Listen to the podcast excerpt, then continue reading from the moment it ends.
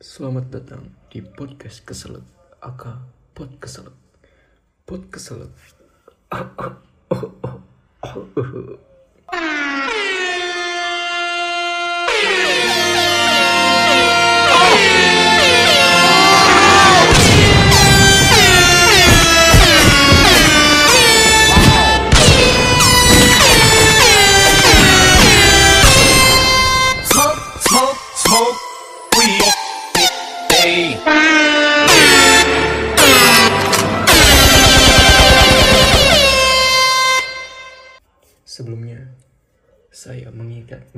kembali.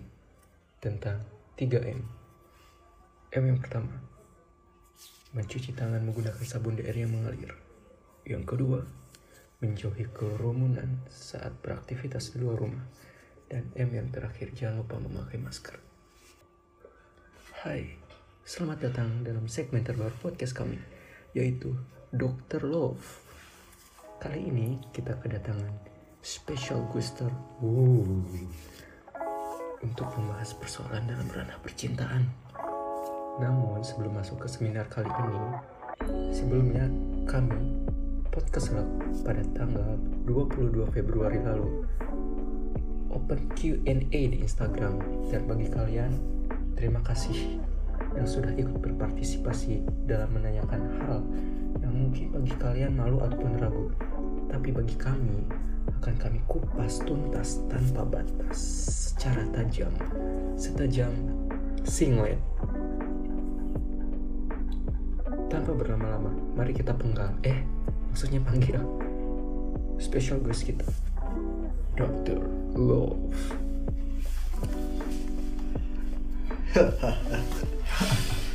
Hai, para pendengar podcast selek di mana pun kalian berada. Sudah lama kita tidak berjumpa. Eh, maaf, apa baru dibuat sesi ini ya? Setahu saya sih baru dibuat ya. Baru dibuat kan mas? iya emang baru dibuat Oh maaf maaf, saya ternyata terlalu so tahu ya. Oke, saya di sini sebagai guest star Dr. Love. Saya akan menjawab semua keluh kesah kalian mengenai hidup, percintaan, makanan, fashion, feng shui, membaca arah rumah, dan masih banyak lagi. Oke, tanpa basa-basi karena kalau terlalu lama takut basi. Langsung ke pertanyaan pertama saja, Mas. Oke, kita ke pertanyaan pertama. Eh, eh, eh, tunggu bentar.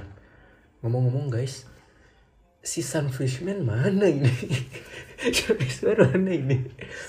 Oh, oh, oh, oh iya, oh iya kita kita lupa guys. Kita kan mendatangkan seseorang special guest star. Kita butuh dana guys. Jadi saya kick out tuh yang namanya Sunfishman untuk khusus episode kali ini guys. Oke. Maaf, Mas. Sunfishman itu siapa ya? Anda tidak tahu? Saya soalnya baru diundang di podcast ini ya. Anda tahu angkot? Tahu? Tuh yang suka duduk di Gak usah dijelaskan Oke oke oke oke. Pertanyaan pertama Datang dari Hadat Alwi Eh kita harusnya privasi ya. Sorry sorry bro. Sorry bro. Oke pertanyaan yang pertama.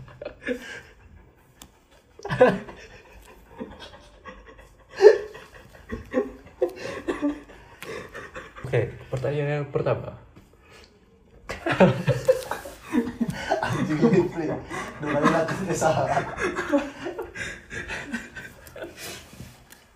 Bang Bang 2011 ngapain aja bang? Waduh Dokter Love silakan jawab Ini siapa yang nanya ya? Boleh gak ini orang yang nanya Bang 2011 ngapain disebutin akunnya? Apa dijaga terus? Jaga-jaga Oh, oke. sih. Oke, saya jawab saja. 2011 saya nungguin akhir tahun. Mau ngecek apa iya tahun 2012 kiamat sambil makan pempek, minum sampolai. Puas Anda, hah? Oke skip skip Kita langsung ke pertanyaan yang kedua Waduh berat ini Berat berat Pertanyaan yang kedua yaitu Titip salam ya buat teman dekat saya Mr. H Apa kabar? Kangen banget pergi gak jiras kayak dulu. Saya gak ngerti kenapa kamu tiba-tiba ngilang sih. hashtag emot sedih. Waduh, siapa ini Mr. H ini? Tolong jelaskan dokter Love. Oke, saya nggak tahu Mr. H di sini siapa. Kebetulan saya dokter Love-nya juga inisialnya Mr. H. Tapi gak apa-apa lah. Saya eh, bantu baca, bantu eh bukan bantu baca, bantu jawab pertanyaannya ya. Terlepas untuk siapa pun itu Mr. H, yang kepada Mr. H yang terhormat, kami sampaikan salam padamu agar senantiasa menjadi pribadi yang lebih baik lagi. Amin. Jangan suka ghosting ya. Amin. Jangan suka tiba-tiba hapus kontak terus ngilang apalagi main blok-blokan. Amin. Emangnya main Minecraft? Oh. Oke. Bagaimana jawabannya? Selesai? Mantap. Kita ke pertanyaan yang ketiga. Dokter Love, pada saat seseorang menjadi manusia bucin, mengapa dia lebih goblok daripada sebelumnya? Thanks. Wah, benar-benar nih, benar. Siapa nih yang nanya nih? Jawab. Oke. Pertanyaan yang bagus ya.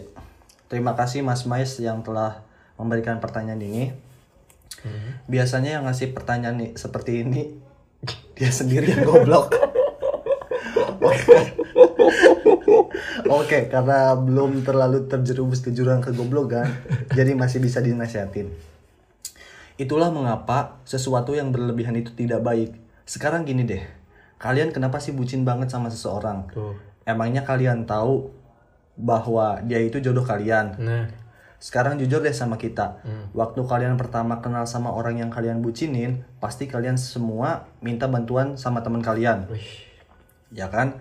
Giliran udah jadian, kalian malah lupa sama teman kalian. Uh. Sekalipun nongkrong bareng, pasti ente sibuk main HP Nah. buat ngabarin si doi. Nah. Sok-sok video call, manggil-manggil sayang dengan kata B di depan teman-teman hanya untuk mendapatkan sebuah pengakuan bahwa nih gue punya pacar.